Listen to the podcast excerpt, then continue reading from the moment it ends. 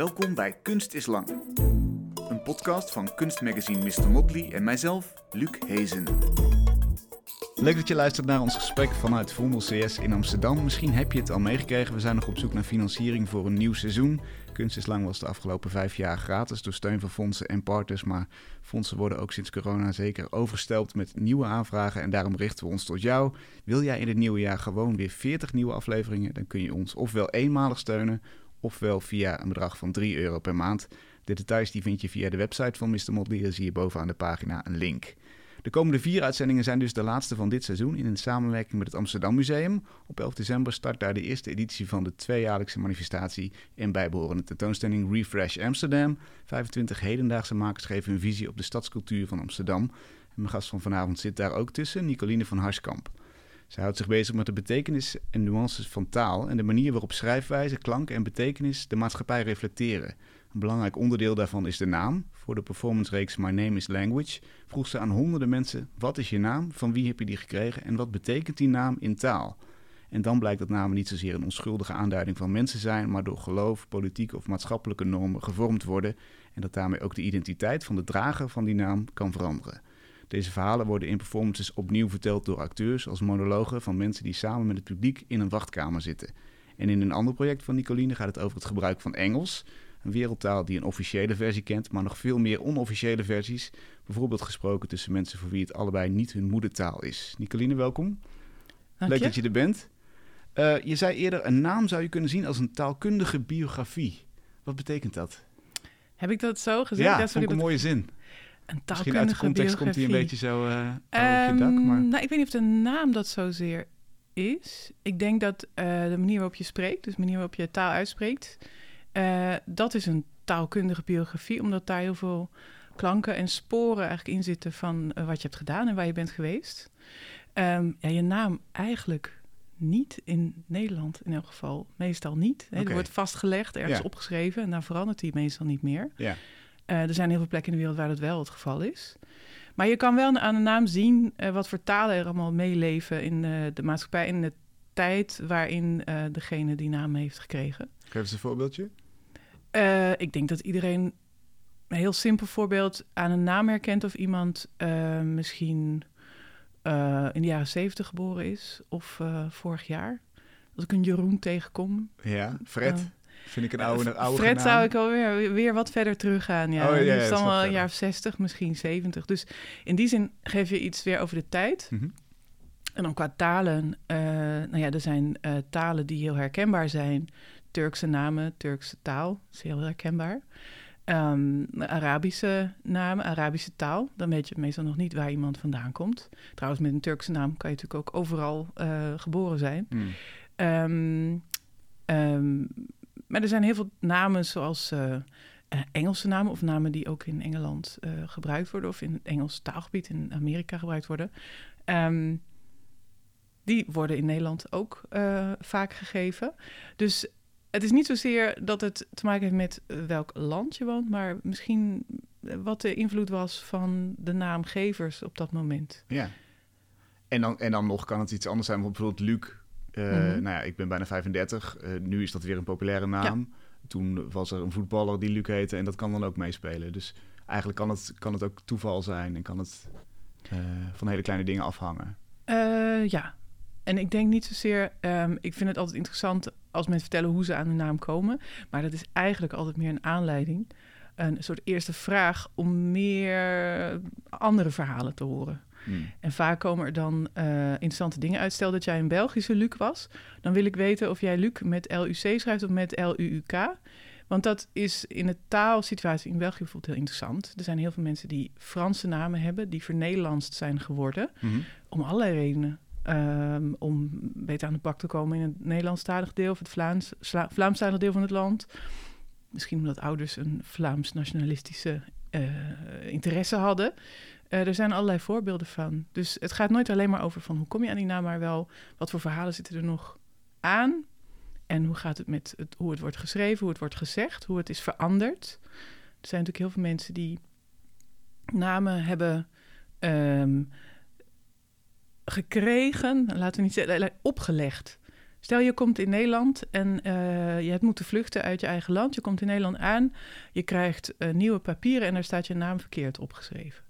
Dat gebeurt heel vaak, vooral mensen uit landen waar uh, ook het alfabet anders is. Mm. Vooral bijvoorbeeld Arabische namen of Perzische namen. Mensen uit Afghanistan hebben vaak namen die in een Perzische schrift zijn geschreven. Ehm, die moeten dan worden vertaald.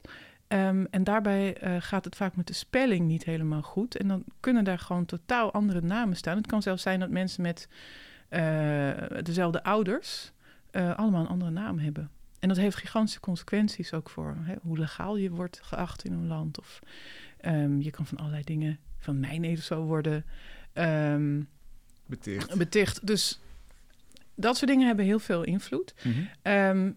ik vind het altijd leuk om verhalen te horen, maar uiteindelijk gaat het er mij wel om hoe dat soort kleine details heel veelzeggend zijn over hele grote vraagstukken of hele grote vragen. Ja, en kun je daar eens een van die verhalen uitlichten? Wat, wat is dan zo'n veelzeggende ja, verandering of, of inderdaad misvatting? Heb je één verhaal? Oh, er zijn heel veel verhalen. Uh, en ik ben nu in Nederland ik ook uh, aan het zoeken. De laatste editie die ik heb gemaakt was in België, in uh, Antwerpen. En daar werd ik op gewezen dat er heel veel mensen van Congolese afkomst in België wonen, die geen voornaam hebben. En dat komt omdat in Congo, net zoals in heel veel delen van um, Afrika in die tijd, in de jaren 60, 70, was er iets en dat heette l'authenticité, l'authenticité, een soort beweging, antikoloniale beweging. in Congo was het onder Mobutu. Um, die uh, vonden dat uh, al het Frans weg, moest. Dus ook de Franse namen van mensen, uh, de Franse taal, de religie, het katholicisme. En ook daarmee het systeem van naamgeving. Omdat het systeem wat wij hier hebben, voornaam, achternaam. Als je trouwt, krijg je de naam van je man als vrouw. Um, en uh, de kinderen die krijgen dan ook de naam van de man. Dat is mm -hmm. iets wat trouwens een beetje Napoleontisch is. Of uh, uit Frankrijk eigenlijk wel is ontstaan ooit, heel lang geleden. Okay. Um, maar goed, dat is allemaal overgedragen in de koloniale tijd. En uh, die l'authenticiteit was, daar gaan we mee stoppen. Dus we schrappen alle eerste namen. Dus alle voornamen zijn weg. Dan hebben mensen nog een soort familienaam. En daarna plakken we nog iets aan. Dan doen we een postnom. En dat moet in een Afrikaanse taal zijn of een taal die in Congo wordt gebruikt. Um, en zo werd iedereen, zeg maar, uh, opnieuw genoemd of vernoemd, officieel, op het papier. Ik weet niet of ze dat ook echt in het echt zo deden. Mhm. Mensen die in die tijd naar België gingen um, uh, om daar te gaan wonen, die kregen bij een, Belg een nieuwe Belgische nationaliteit uh, gewoon een naam die ook op die papieren stond. En dat was dan zonder voornaam. En er is dus iemand... Um, min of meer van mijn leeftijd die ik daarover heb gesproken en mij daarop wees. En ik heb daarna nog een aantal andere mensen gesproken. En zij hebben dus geen voornaam. Ze hebben op een bankpas uh, gewoon een X staan. In hun paspoort uh, bij, uh, bij first name staat er gewoon niks. Of not available, F FNU, first name unavailable. Ah. Um, maar is dat een zegen of een vloek? Nou, dat is dus best wel een vloek als je toch al heel vaak um, last hebt van uh, vooroordelen, um, um, andersoortige ellende. Als je hè, op, het, op Schiphol toch al uitgepikt wordt um, omdat je uh, niet wit bent of uh, je een jonge vrouw bent die alleen reist. En dan heb je ook nog eens geen voornaam. Ja, dat maakt het niet soepeler. Nee, dat maakt het niet heel handig. En het is ook zo dat er in Europa zijn er nu terrorisme-wetten in de maak waar je niet meer zonder adres um, een, een, bankrekening mag hebben, um, maar ook niet zonder voornaam. Dus voor heel veel mensen wordt dat echt een uh, heel groot probleem. En, en de mensen die deze wetten maken, weten die dit? Nou, ze worden er waarschijnlijk wel uh, op gewezen. Ja. Um, zoals heel vaak. Er kan wel een wet zijn, maar de bank moet het dan uit gaan voeren. De bank kan er ook voor kiezen om daar iets op te verzinnen, maar mm. dat doen ze dan niet. Dus uh, dat is een heel groot probleem. Maar het is wel een manier om een voorbeeld van hoe een een idee over taal. Dus uh, bij het kolonialisme hoort natuurlijk ook taaloverheersing. Als je het gaat terugdraaien, uh, dan um, heeft dat allerlei effecten, dus ook op namen. Ja. En um, nou ja, intussen, hè, is weg, de authenticiteit is, is, uh, is niet meer een beleid, al heel lang niet meer. En uh, nu krijgen mensen weer, uh, ook weer Franse namen en ook weer voornamen in Congo. Maar die generatie uh, mensen in België zitten nog steeds zonder voornaam. En um, het is heel interessant ook om te zien hoe mensen daarmee omgaan. Sommige mensen vinden dat heel vervelend en willen graag een oplossing. Mm. Er zijn ook veel mensen die het eigenlijk juist heel mooi vinden en denken: waarom moet ik me aanpassen? Ja. Het is inderdaad van verzet geweest uiteindelijk, toch? Die, nou, die kolonisator ja. het land uit en je eigen systeem optuigen de situatie in Congo is super ingewikkeld geweest. Ik zou het niet heel zo zwart-wit willen zeggen. Mobutu was natuurlijk ook geen fijne figuur. Hmm. Maar, um, maar dat was de insteek, toch? O dat was of je de insteek. eens bent of niet. Ja, zeker. Ja. de insteek was ja. uh, de talen terug en uh, de namen terug. Ja, dus wat je eigenlijk fascineert is de, de, de, de complexe systemen die, die individuen vermorzelen. En, en in dit geval op basis van, van die taal en van die naam. Ja, en er is natuurlijk ook een soort, en daar komen we misschien een beetje op het idee van, uh, van de, mijn werk over Engels. Er is een soort idee dat talen um, Heel gek eigenlijk, de, de talen zijn een soort natuurlijk. Hè? Die, die, die zijn uh, organisch, het vervormt zich vanzelf. En het gaat allemaal zomaar. Mm. Het is natuurlijk helemaal niet zo. Als het zo zou zijn, dan zouden we echt niet zo spreken zoals we nu spreken. We leren het op school, we leren een bepaalde versie daarvan. We worden op gecorrigeerd als we die niet spreken. Uh, de wet is in een bepaalde vorm van het Nederlands geschreven. En dat geldt voor heel veel landen eigenlijk. Um, laten we zeggen voor de meeste. Mm. Al zijn er in heel veel landen meerdere talen, officiële talen. In Nederland... Uh, zijn het er drie?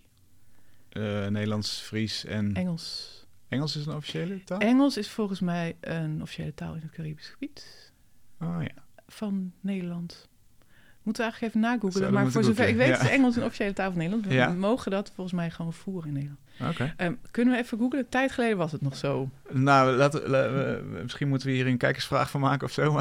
laten we doorgaan. Laten we dat doen. Uh, wat, wat zou jij zeggen dat de belangrijkste betekenis van een naam is? Welke aspecten kun je dan niet missen? Um, betekenis als in de woordelijke betekenis? Of waarom iemand een naam heeft? Ja, wat, wat, het, wat, het, wat het betekent om een naam te hebben. Wat, wat de symbolische waarde van een naam is. Wat is dat het belangrijkste aspect in? Uh, daar heb ik echt nog nooit over nagedacht op die manier. nee? Is het, nee. Is het naam, de, dus de naam is meer voor jou een opstap naar, inderdaad, zoals je net zei, de, het verhaal erachter? Ja, het is iets wat heel dicht bij iedereen uh, ligt. Ja. Uh, en wat ook direct op alle hele grote systemen zit. En wat ook bijna altijd een soort ideologisch is. En daarom vind ik het heel erg interessant. Um, ja, je, hebt allerlei antwoorden op die vraag, wat ik er zelf van vind. De naam is natuurlijk wel de eerste. Nou, je hebt um, een, um, een idee dat de naam eigenlijk de allereerste. Nee, dat zou heel negatief zijn als ik dat zou zeggen.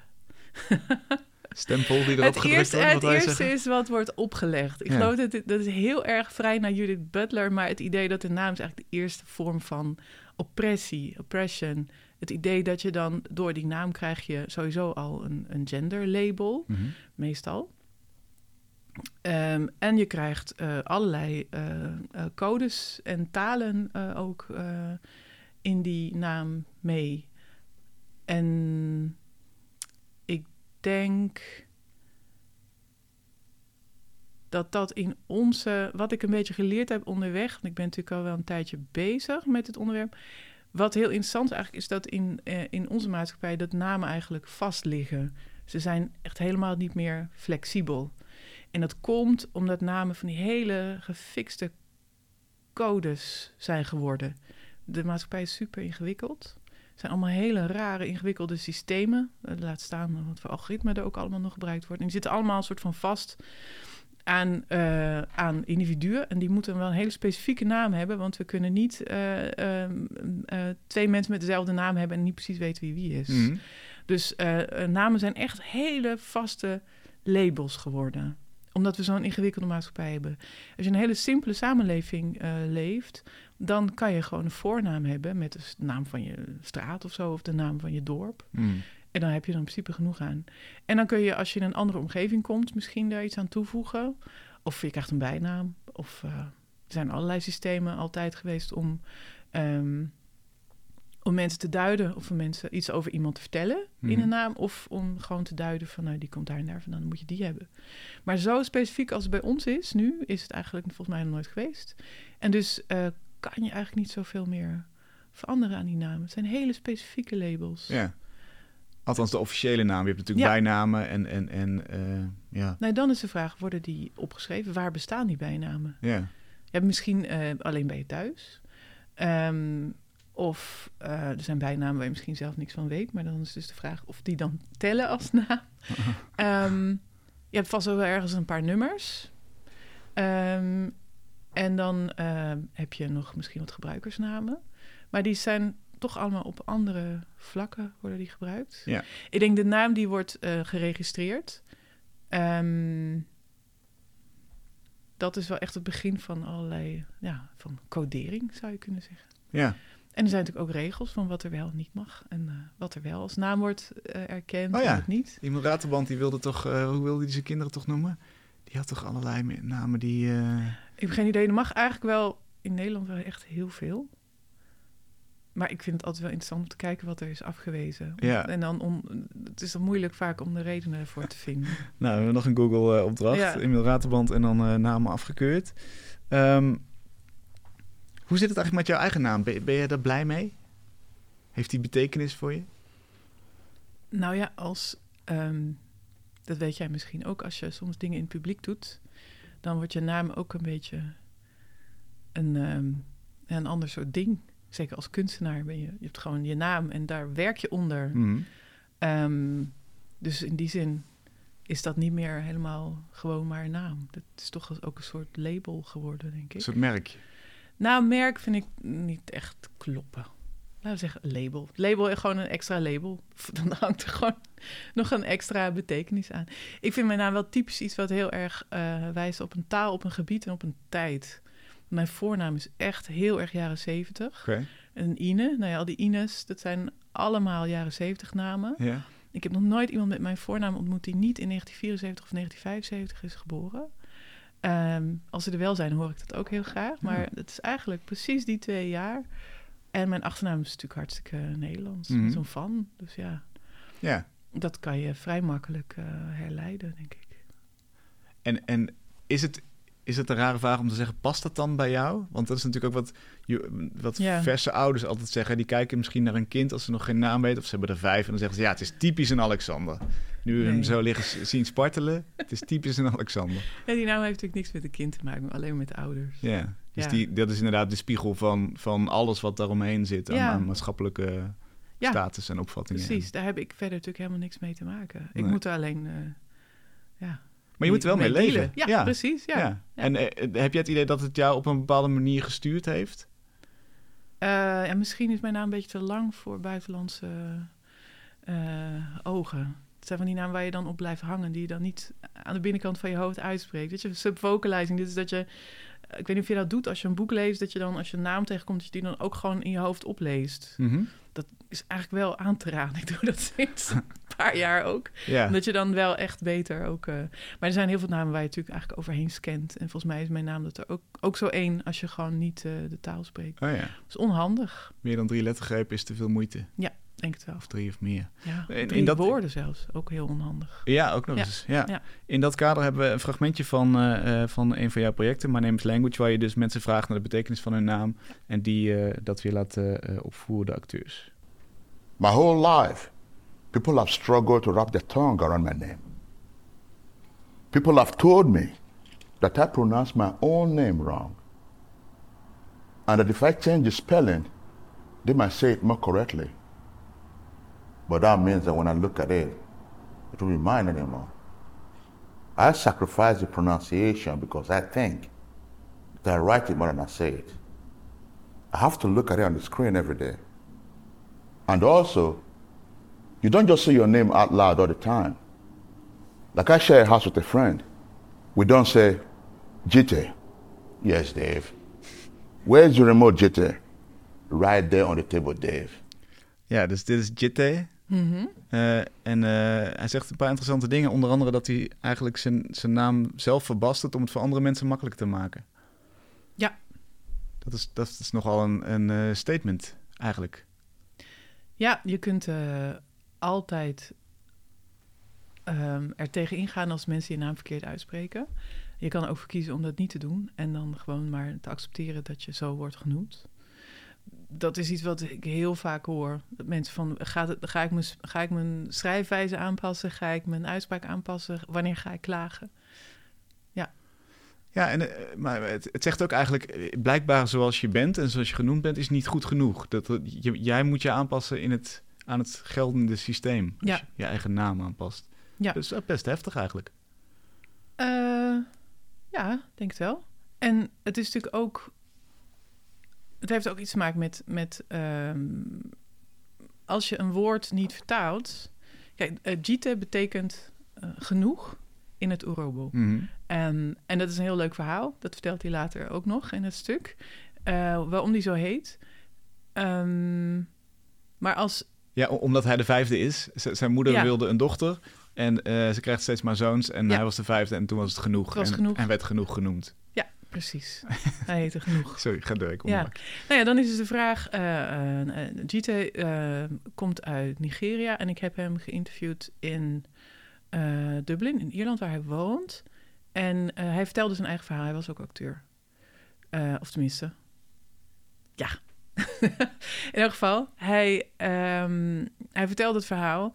Hij zou ook zichzelf enough hebben kunnen noemen, of genoeg, in, als het in Nederland zou zijn. En dat heeft hij niet gedaan. En het is natuurlijk heel logisch dat je je naam niet vertaalt. Omdat bijna niemand dat doet. Maar stel dat je het wel zou doen. Stel dat je, eh, je komt, eh, je komt naar, naar Dublin, je spreekt ineens Engels. Hoewel, in het geval van Nigeria is een beetje lastig, omdat daar natuurlijk ook Engels wordt gesproken als officiële taal of als soort van eh, linktaal tussen mensen met verschillende taalachtergronden.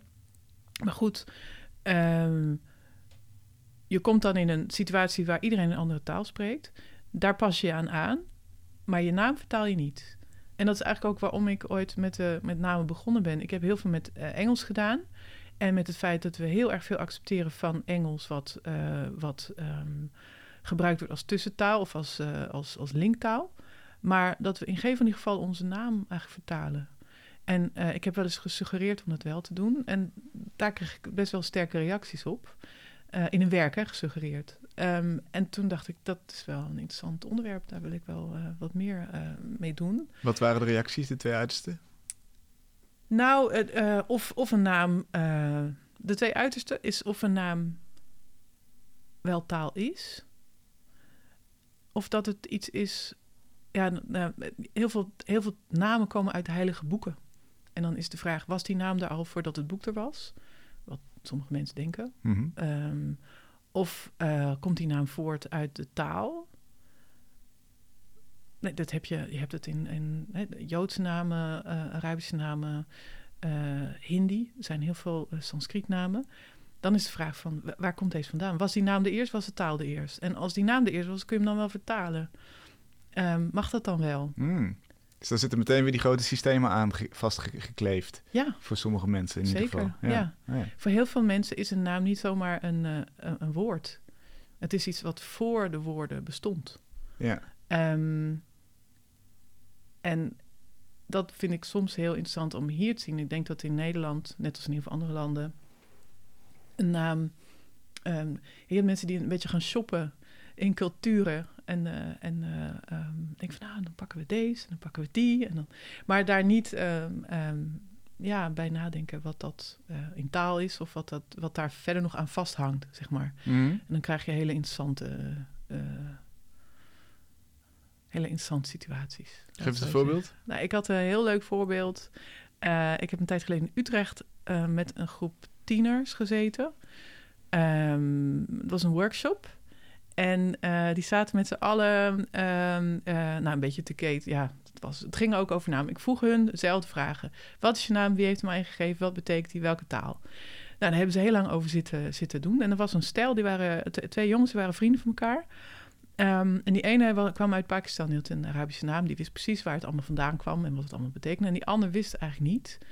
En die had een hele reeks namen waarvan hij dacht dat ze Amerikaans waren.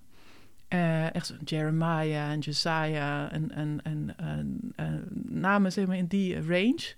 ehm, waarvan hij dacht dat is Amerikaans. En toen hij ging zoeken, bleek het Hebreeuws te zijn, um, waarop zijn uh, Palestijn, sorry, Palestijn, waarop zijn Palestijnse vriend uh, zei, maar dat zijn Joodse namen.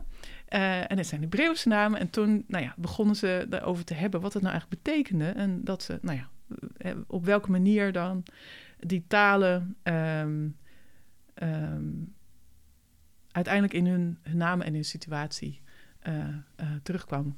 En dat, dat vond ik een hele, hele grappige misvatting eigenlijk. Hmm. En er kwam ook verder geen ruzie van. Ja. Maar, um, en, en, als jij nou al die acteurs en een, een monoloog en het publiek daarbij in zo'n wachtkamer zet, hè, wat, waarom, waarom kies je voor die setting? Wat hoop je dat er gebeurt door al die monologen te horen? Um, ja, een wachtkamer is wel echt een soort plek waar je zit te wachten tot je wordt geroepen. En de naam is natuurlijk in de eerste. wordt vaak gezien in eerste instantie als iets waar. Ja, een roepnaam, dus iets waarmee je iemand kan appelleren. Um, en dat gebeurt in wachtkamers. Tegenwoordig zit je voornamelijk vaak met een nummer. Maar het is ook zo dat je in wachtkamers um, ook wel altijd gecheckt wordt. Uh, of jij wel die persoon bent die je zegt die je bent. Mhm. Dus wat je zegt, wat je schrijft, hoe je eruit ziet. Um, dus het zijn wel plekken waar vaak nog je identiteit wordt gecontroleerd. Ook op basis van je naam. Dus daarom vond ik die wachtkamer een mooie plek om, uh, om zoiets in te laten uh, spelen. En um, het is een hele mooie manier om mensen verhalen te laten vertellen zonder dat je gelijk op een podium staat. Ik maak geen theater. Um, en het vertellen van verhalen, zoals ik ze nu laat vertellen, heb ik eigenlijk nooit eerder gedaan. Dus ik wilde het zo ja, onsentimenteel, ontheatraal mogelijk doen. Um, en eigenlijk is het heel gek, want mensen spreken ook vaak in hun eigen taal uh, de monologen uit. Of in verschillende talen die ze daarbij willen gebruiken. En eigenlijk hebben mensen, spreken eigenlijk, ze denken eigenlijk hardop. Vaak communiceren ze niet met andere mensen in de zaal. En dat is een hele onlogische situatie. Maar ik heb heel vaak dat ik in een wachtkamer zit en dat ik denk van, wat zou iemand denken? Wat zou er iemand omgaan? Misschien zouden we nu een gesprek kunnen voeren. Um, en dat doe je dan nooit. Zit elkaar een beetje aan te kijken. Niemand Ja. zegt wat. Nee. Dus dit is echt een soort... Er was één iemand een tijd geleden... Een, uh, een, iemand die een review schreef, uh, schreef over een eerste editie. En die zei dat ze uh, heel vaak in wachtkamers had gezeten op vliegvelden... Uh, of customs, hè, om, om een land binnen te komen. En dat ze zeiden, als we maar dit soort gesprekken hadden kunnen hebben... dan zouden we een soort een, een vorm van saamhorigheid uh, op dit moeilijke moment kunnen hebben. Um, en er wordt natuurlijk ook wel in de stukken veel gesproken over problemen met toegang, met, uh, met legaliteit, zo gezegd. Ja. Um, dat vond ik heel mooi. Dus uh, die wachtkamer is natuurlijk ook een soort... Uh, het is een symbolische plek in die zin. En het is een plek waar je gewoon rustig kunt vertellen. Waar toch iedereen zit te luisteren. Ja. En uh, we hebben één keer het stuk niet live gespeeld, maar vooraf opgenomen. En dat heeft toen een paar maanden is dat te zien geweest in een wachtkamer van een grootstadhuis. bij de ingang waar mensen wachten tot zij bij de burgerlijke stand terecht kunnen. En daar hebben mensen dus gewoon dat kunnen zien terwijl ze wachten. En uh, de beelden waren ook vermengd met. Je had zo'n heel groot nummertjesapparaat aan de muur. En daar uh, werden mensen ook. Uh, nou, daar werden mensen. Er ging ook zo'n bel. En zaten ze te wachten terwijl ze keken naar en luisterden naar de verhalen. Ja. Nou ga je in deze reeks door in het Amsterdam Museum straks. Mhm. Met een nieuwe editie. Wat ga je precies doen? Um, ik ga eerst heel erg zoeken naar Amsterdamse verhalen. Um, en dat zijn natuurlijk ook gewoon Nederlands verhalen. Of uh, verhalen van mensen die um, in Amsterdam wonen. En daar ga ik stukken mee maken. Dus, en weet je al waar je, waar je naar zoekt? Waar hoop je op? Wat... Waar ik op hoop? Uh, ik hoop op verrassingen. allereerst. Ja, ja. uh, en op goede verhalen. Um, wat ik heel erg interessant vind um, en waar ik echt meer op ga richten, is um, momenten waarop mensen zichzelf benoemen. Ik heb ontdekt dat de leukste verhalen uit, uit mijn uh, serie tot nu toe zijn situaties waar mensen zichzelf benoemen of tijdens hun leven een soort naamsverandering krijgen. Die ze zelf hebben veroorzaakt, zeg maar. En wat ik daarin heel interessant vind, zijn bijvoorbeeld um, LGBTQ um, uh, namen. mensen die hun naam hebben veranderd, omdat ze hun genderidentiteit hebben veranderd, bijvoorbeeld. En daar komt er heel veel bij kijken, heel vroeger ehm, en ook uh, nu. Mm. Um, ik vind de verhalen van Surinaamse namen heel erg interessant. Die zijn ook radicaal natuurlijk veranderd van het eigenlijk niet mogen hebben of kunnen hebben van namen of niet registreren van namen. Tot, uh, tot vandaag, waar nog heel veel nieuwe namen ook worden bedacht, vooral voornamen worden bedacht. Uh, daar is heel veel uh, te vertellen, volgens mij. Daar wil ik allemaal zoveel mogelijk over horen. Mm -hmm. Ook over de geschiedenis, ook over nu. Um, het is natuurlijk heel interessant en ik denk dat heel veel mensen dat ook wel direct denken als ze aan dit onderwerp denken. Dat mensen op basis van hun voor- en achternaam natuurlijk gediscrimineerd worden op de arbeidsmarkt of Mm. op de stagemarkt. Is dat een markt? Um, en ik hoop daar iets zinnigs aan te kunnen bijdragen. Um, zonder dat het. Um, nou, ik ben, ben benieuwd wat ik daar, uh, wat ik daar nog uh, uh, ook uit kan halen. Ja. ja. Want is het idee dat als je deze werken ziet, dat je denkt van we moeten, we moeten stoppen met het zo belangrijk maken van die systemen? Of uh, wat, wat, wat, wat hoop je eigenlijk dat er gebeurt bij een publiek nu die namen zo geagendeerd worden? Want tot, tot de voorbereiding voor dit gesprek had ik er nooit zo, was ik nooit zo heel erg met namen bezig eigenlijk. Nee. En de structuren die erachter zitten. Nee, nou, um, als je een naam ziet, uh, zou ik uh, allereerst aanraden om hem van binnen in elk geval uit te spreken. Um, en dan te bedenken wat vertaald het zou kunnen zijn. Omdat dat wel echt uh, um, heel veel zegt over misschien waar iemand vandaan komt, maar ook wat voor. Hoe complex het eigenlijk is. Er zijn natuurlijk ontzettend veel namen nu te vinden die niet in één taal zijn. Iemands voor, achter, tussennaam zijn allemaal andere taal bijvoorbeeld. Of je kan echt niet achterhalen van ik weet echt niet wat dit voor taal zou kunnen zijn. Um, eigenlijk, als je daarmee begint, dan zie je, dan zie je ook hoe complex het, uh, het gebruik van taal is. Um, het stuk is helemaal meertalig. Dus er is niemand die dat allemaal kan verstaan. Gelukkig zijn er wel ondertitelingen. Dus kan je het wel meelezen. Um, en ja, ik hoop dat het alleen al door het luisteren naar namen of het beter bekijken ernaar, uh, dat je iets meekrijgt over dat we eigenlijk veel te simpel over taal nadenken. Hmm. Dat we te vaak denken van, nou, het werkt toch, uh, Nederlands, Engels we begrijpen elkaar toch. Terwijl er in, in dat Nederlands en Engels al zoveel andere dingen meedoen, meespelen, die we eigenlijk helemaal niet. Um, uh, ja, waar we eigenlijk uh, te weinig stil bij staan. Ja, dus het is sowieso een wonder dat we uh, kunnen communiceren met taal. Mm -hmm. um, maar het is heel erg zonde om dat uh, heel erg te beperken en in te perken. En niet, niet ook genoeg onszelf blootstellen aan andere talen. Gewoon echt misschien ook denken van ik versta dit niet, maar ik hoor het wel. Um, dat zijn wel dingen die, um, die belangrijk zijn, denk ik. Om... Het klinkt dan eigenlijk alsof, alsof die taal uh, veel meer is dan een manier van communiceren, meer, meer een uiting van een identiteit. Als je, als je er op die manier naar kijkt, uh, kun je iets veel serieuzer nemen, ook als je het niet snapt. Snap je wat ik bedoel? Als je geen woord Chinees kan, maar je ziet de uiting van iemand die Chinees praat wel als onderdeel van, van die identiteit, dan uh, kun je het niet van je af laten glijden. Omdat het meer gewicht heeft dan alleen maar de wens om te communiceren. Ja, maar ik bedoel ook als je uh, iemand Chinees hoort praten, is het al heel fijn dat je dat herkent. En misschien uh, herken je dan ook een keer wat voor soorten. Er zijn ontzettend veel verschillende soorten Chinees. Um, en um, misschien kan je wat woorden herkennen. Of uh, je hoeft er niet gelijk van alles van te vinden. Maar wel gewoon fijn om, um, om dat. Ja, om het gewoon om het er te, te laten bestaan. Hmm. In zekere zin. Alleen die rijkdom al erkennen is, is voldoende. Of is een goed begin. Um, ja, waarom niet? Als het over communicatie gaat, dan is, het, is jouw uh, reeks werken onder de titel Englishes ook interessant. Verschillende vormen van Engels tussen mensen voor wie het allebei niet hun moedertaal is. Mm -hmm. uh, dat is een linktaal, hè? zoals je het zo, ja, uh, zo net zo zei. gebruiken wij wat, het, wat, ik, ja. ja. wat interesseerde je daar zo aan? Waarom wilde je daarin duiken? Oh, heel praktisch. Ik, had, eh, ik heb heel lang in, eh, in Engeland gewoond. En ik kwam terug naar Nederland om de Rijksacademie te doen. En daar heb ik een werk gemaakt in het Nederlands. En dat werk, dat, eh, ja, dat is verder nooit meer ergens getoond.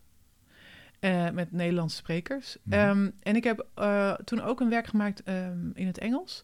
En daar had ik een Franse acteur voor gevraagd. Het Engels was geschreven door een, ehm, een, een Engelse speechwriter. Dat was om een hele andere reden. Maar goed, het was een, een laten we zeggen, een native English eh, speech. En een Fransman die het sprak. En uh, het enige wat ik hoorde was, waarom spreekt hij met een Frans accent? Um, het werd dus echt gehoord als, als foutief. En het was eigenlijk ook um, een, een, eigenlijk een, um, een fout van mij. Ik had natuurlijk gewoon het Frans van die man zelf moeten gebruiken. En niet het Engels van een Engelsman en het Frans van een Fransman. Um, en sindsdien heb ik uh, geprobeerd om uit te vinden in welke taal mijn werk überhaupt kan bestaan. En welke taal dat dan is. Want als ik Engels gebruik, heeft dat niets te maken. Nou ja, wel iets, maar heeft het een stuk minder te maken met uh, Engeland uh, dan als ik daar zou zijn. Um, en het heeft ook een ander karakter. En dat geldt voor eigenlijk iedereen die in de kunst werkt. Um, Ja. Terwijl wel hele complexe ideeën worden opgedaan en verwoord in een taal die eigenlijk door heel weinig mensen als uh, eerste taal wordt gebruikt. En dat heeft enorme consequenties en dat vind ik heel interessant. Ook voor de kunsten, niet alleen omdat we in de kunst uh, alles, uh, alle context min of meer in het Engels doen. Dus, uh, nou ja, Miss Motley is dan natuurlijk een uitzondering, maar er zijn heel veel kunst, tijdschriften enzovoort die in het Engels werken. Mm. Um, en Um, ik vind het zelfs heel ongewoon om in echt Nederlands over, over deze werken te spreken. Het, het, gebeurt gewoon bijna nooit. En, en Dus- maakt dat uit? Uh, uh, structureert dat ook het, denken over jouw eigen werk anders, nu je het zo in het Nederlands Nee, vertelt? nee, ik, ik vind echt niet dat taal zozeer, zozeer het, het denken beïnvloedt. Nee, het is meer dat ik de... Dat is, dat is een heel ingewikkelde vraag die ik uh, heel vaak krijg en dan zeg ik altijd nee. waarom- je denkt niet niet anders in een andere taal. Had je toch een woordenschat bijvoorbeeld in het ja, Engels maar die woor- veel ja, oké. Er, zijn, er zijn woorden die, die, horen, uh, die horen bij het, uh, het kunstenaarschap of bij de kunstpraktijk. Um, en die zijn meestal woorden die gewoon in het Engels gebruikt. Um, en als ze vertaald worden, ben ik daar niet heel erg mm, mee gewend. Mhm. Uh, maar ja, daar kun je natuurlijk wel aan wennen. Um, het is niet zo dat ik anders denk in het Nederlands, zo dat helemaal niet. Maar goed, de, die, die, het jargon, zeg maar, de, de, de, de taal van de kunst, professionele taal van de kunst, is toch voornamelijk Engels. Ja. En uh, ik vind het niet zo erg um, als dat, uh, ja, god, het is onhand, ja, nou ja, er is van alles over te zeggen. Maar het komt ook in de werken erin, zeg maar, dat je, dat je in, in je werk ook nog denkt, ik moet ook die dat soort taal gebruiken. Of ik moet Ja. uh, mijn taal dat ik in mijn werk gebruik, moet uh, al, klinken als Brits-Engels of zo. En dat is natuurlijk hartstikke zonde. Want ik gebruik heel veel taal in mijn werk echt alleen maar. Ja, ik wil natuurlijk al lang niet meer gewoon die standaard. Dat vind ik helemaal niet interessant. Geef Mm. mij maar, zoals Gita spreekt een heel ander soort Engels. Um, en ik spreek zelf een ander soort Engels. Ik werk met heel veel verschillende soorten Engels. En waarom is dat dan interessanter dan het, het Oxford English? De, Ja, maar dat is, ja, waarom zouden we dat uh, willen uh, blijven gebruiken? Dat is een heel beperkte uh, vorm van één taal. En, en die, zoals bijvoorbeeld het, het, um, het RP, het Received Pronunciation, hoe dat is vastgelegd. dat is eigenlijk een soort Zuid-Engels. Er zijn maar heel weinig mensen die dat echt spreken. Mm. En, en, voor de rest is het iedereen die zich probeert aan te passen aan een soort high status um, um, um, klank. Maar is dat, is dat kwalijk? Ja, dat vind ik doodzonde. Waarom? Nou, omdat er heel veel onderwijs uh, uh, wordt gegeven, gewoon om dat te kunnen bereiken, om dus het, die, die, die hoge statusuitspraak uh, te kunnen halen. Terwijl al die tijd dat je aan de T en de the, the, the zit te werken, kan je ook gewoon uh, zinnige dingen doen. die, die TH is echt nergens voor nodig uh, om, om, om verstaanbaar te zijn. Hmm. En um, het betekent ook dat er heel veel. Ja, nee, ze zeggen wel eens dat. Uh, dat um, je hebt iets als linguicisme, hè? Dat, dat dat vaak ook met racisme te maken heeft. Bijvoorbeeld, um, wil je een een uh, leraar Engels die uit India komt, bijvoorbeeld. Dan zeggen mensen nee, want dat is geen native English. Hmm. Um, en dat zijn echt wel vragen ehm, van wanneer is iets Engels? En blijkbaar moet je dan dus eh, op die manier spreken. Ja. En liefst ook wit zijn. Dus ook hier weer is die taal een spiegel van de opvattingen en van de voorkeuren en de Ik denk het wel, maar in, in het Engels is natuurlijk extreem, want het Engels hoort ook bij een systeem, een kapitalistisch systeem, eh, een, eh, het, het kolonialisme, imperialisme, if you wish. Er zijn heel veel, eh, de geschiedenis is er ook over geschreven, van hoe Engels echt ehm, met een soort idee is aange... Ja, hoe zeg je dat? Aangeprezen, kan je dat zeggen? Nee. Er was wel echt een soort plan om Engels op de kaart te zetten in die zin. Van, hè, als je de taal hebt, dan kun je ook echt heel veel macht uitoefenen. Ja, En ehm, ja, dat is eigenlijk nog steeds niet anders. Het Engels wo- wordt nog steeds groter en groter. mhm. maar er komen dus ook weer varianten bij. Nou ja, het, het- wa- waar ik voor pleit, ik vind het, ehm, je kan wel zeggen van, oh, iedereen moet zijn eigen taal weer gaan spreken. Dan blijft de, ta- blijft de vraag, ja, welke taal dan? En aan de andere kant eh, zijn er heel veel soorten uitwisseling die zonder Engels nu niet kunnen plaatsvinden. Ja. Ehm, dus ik ga niet zeggen van iedereen weer terug naar zijn eigen, naar zijn eigen taal. hok of zo. Nee. Mhm. Ehm, maar ik vind wel dat, dat het potentieel voor zo'n situatie... nog nooit zoveel mensen op de wereld dezelfde taal hebben kunnen gebruiken... op wat voor niveau dan ook...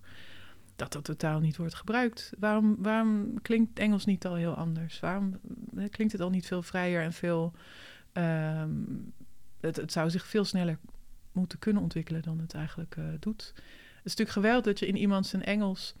ook sporen van andere talen kunt horen... en daarmee eigenlijk ook eh, mensen heel goed zou kunnen verstaan. Of, of meer over anderen zou kunnen begrijpen. ja. Als je dus heel goed luistert. Het is een beetje hetzelfde als met die namen.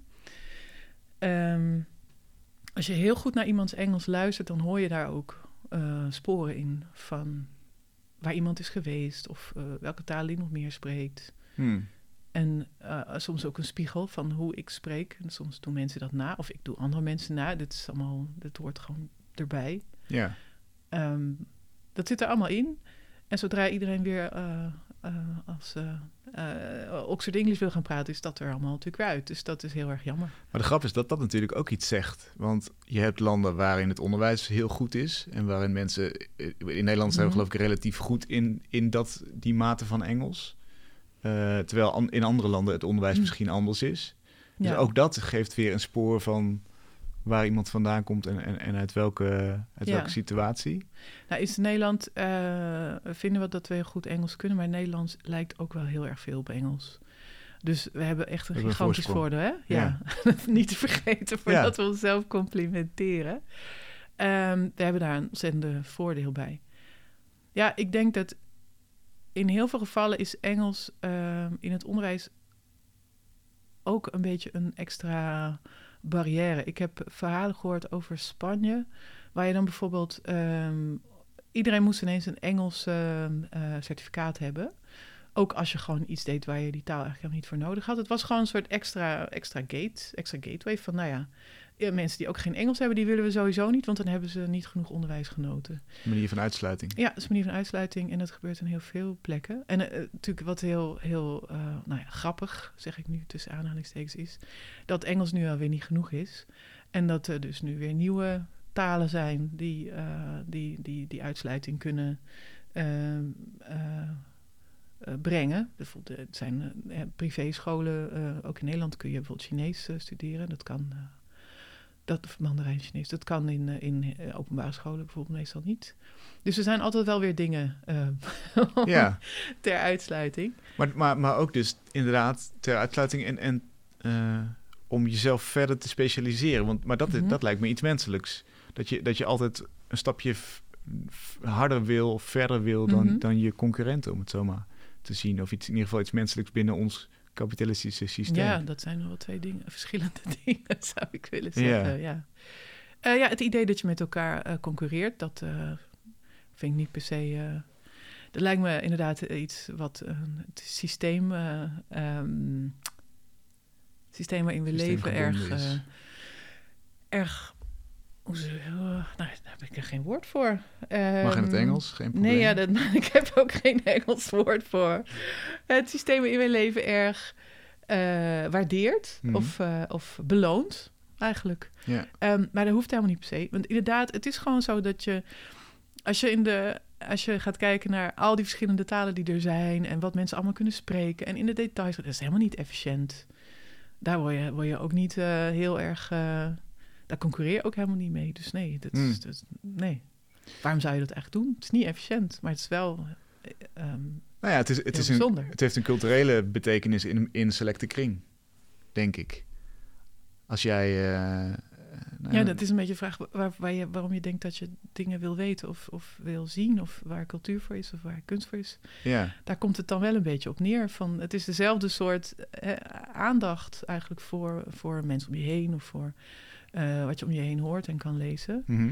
Eh, en die gaat weg van eh, echt een idee van pure efficiëntie. ja zeker. Ja, anders zouden we. Het is je onderscheiden op een bepaalde manier. Nee, nee, eh, nee, helemaal niet onderscheiden. Daar heeft het helemaal niet mee te maken. Nou, lijkt me wel. Als, je, als jij naar een business school gaat waar je ook eh, eh, Mandarijn Chinees leert, Oh, onderscheid je je toch, dan, dan zeg je toch, ik ben zo slim dat ik ook nog die en die en die Ja, nee, maar daar hadden we net over. Ja, precies. precies. Ja, sorry. Ik dacht dat we het ja. nog Nee, oké, over ja. iets anders hadden. En aan de andere kant zijn, Nee, zullen er mensen zijn die zeggen, ik wil niet de taal van mijn onderdrukker spreken, dus ik, dus ik blijf Mhm. weg van dat, misschien dit, dit Engels. Ja. Ja. Dus eigenlijk is die taal een soort van spiegel op, op, op alle vlakken eigenlijk. Alles wat er, wat er politiek en maatschappelijk en Eh, de Engelstaal bedoel je? Of, ja, eh, taalgebruik misschien in, z- in zijn algemeenheid wel. Ja, natuurlijk. Ja, alles wat er in je mond gebeurt is eh, aan taal. is, ja, misschien aan voedsel ook, weet niet. Ehm, ja, en in, in die zin is gesproken taal natuurlijk ook... het is iets wat alle systeem, alles in zich draagt... waar je het maar over zou kunnen hebben. Maar je doet het toch helemaal zelf. En het is, ehm, en je, het is gewoon een, het, het, het makkelijkste medium eigenlijk. En eh, ook een van de, eh, de, de makkelijkste playing fields. Je hebt nog steeds mensen die... eh, je hebt in Amsterdam kwam ik pas die stadsdichter tegen... Ik ben heel even zijn naam kwijt. Die... Eh Gershwin Bonifacia? nee. Maar die stond bij de HEMA zijn gedicht voor te dragen. Ah ja, dat is niet de denk ik niet de officiële stadsdichter dan? nee, dat is Eh, niet de officiële ja, stadsdichter. De, van, het is de eh, dichter van de straat, de eh, dichter van de straat, ja, ja, ja. Ik weet even zijn naam niet, maar ik weet dat... eh, maar goed, ehm, je hebt altijd nog je taal, je hebt altijd nog je stem. Ja. Ehm, en in die zin is het ook ja, een van de laatste vrije plekken eigenlijk. Mhm. Zolang je het kan zeggen, zolang je het mag zeggen. En ja, in je, in je manier van spreken en de taal die je daarbij kiest, eh, er kan, zit eigenlijk weinig meer tussen, tussen jou en je stem. Heel weinig. Heb je nog mensen nodig voor je project in het Amsterdam Museum? Zeker, ja. Ehm, ik organiseer ehm, twee bijeenkomsten. Die zijn open. Het is niet zo dat iedereen kan komen, maar dat je van tevoren aanmeldt. En dan zitten we met 10 tot 15 mensen om een tafel. Ik hoop dat we dat echt om een tafel kunnen doen in het Amsterdam Museum. Mhm. Of anders doen we het online of half-half. Eh, dus ook mensen die het eng vinden om nu in een aan een tafel te gaan zitten, die kunnen zeker ook zich aanmelden. En eh, we beginnen met die vragen. Eh, wat is je naam? Wie heeft hem gegeven? Wat betekent die en in welke taal? En dan spreken we zo verder. En dan hoop ik dat ik op mooie verhalen kom die ik later kan uitwerken of waar ik nog verder onderzoek naar kan doen. Ehm, we doen dat op, dan moet ik even heel hard nadenken, op 13 december, op, een zondag, en op 17 januari, dat is ook op een zondag. En wanneer kunnen we het werk dan zien wat daaruit voortkomt? Nou, het werk eh, komt in maart eh, eh, live. Wordt het, wordt het te zien. Waar het precies gespeeld wordt, daar zijn we heel ver mee, maar ik mag het nog niet zeggen. Is het een wachtruimte? ja. een bestaande wachtruimte.